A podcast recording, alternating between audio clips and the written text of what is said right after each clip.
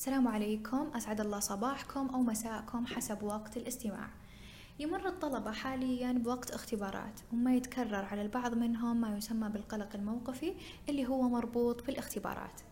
بمعنى في كل مرة يتعرض لموقف الاختبار يشعر بأمور معينة فقد يفكر أكثر من الإنجاز وقد يتوتر حتى في أوقات الراحة مما يشعر بأنه مجهد. بالتالي لا يتمكن من المذاكرة. كل هذه الأمور تغذيها أفكار معينة مثل لا أستطيع اجتياز الاختبار الاختبار أو الامتحان أكبر من قدراتي هذا الأستاذ أو الأستاذة لن ينجحني مهما حصل.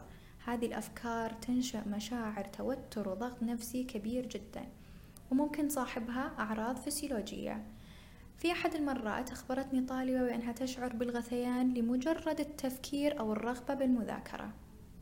لتفادي هذه الأمور كلها لابد من تصحيح أفكارنا المرتبطة بالاختبار. أولها تجنب تضخيم الفكرة.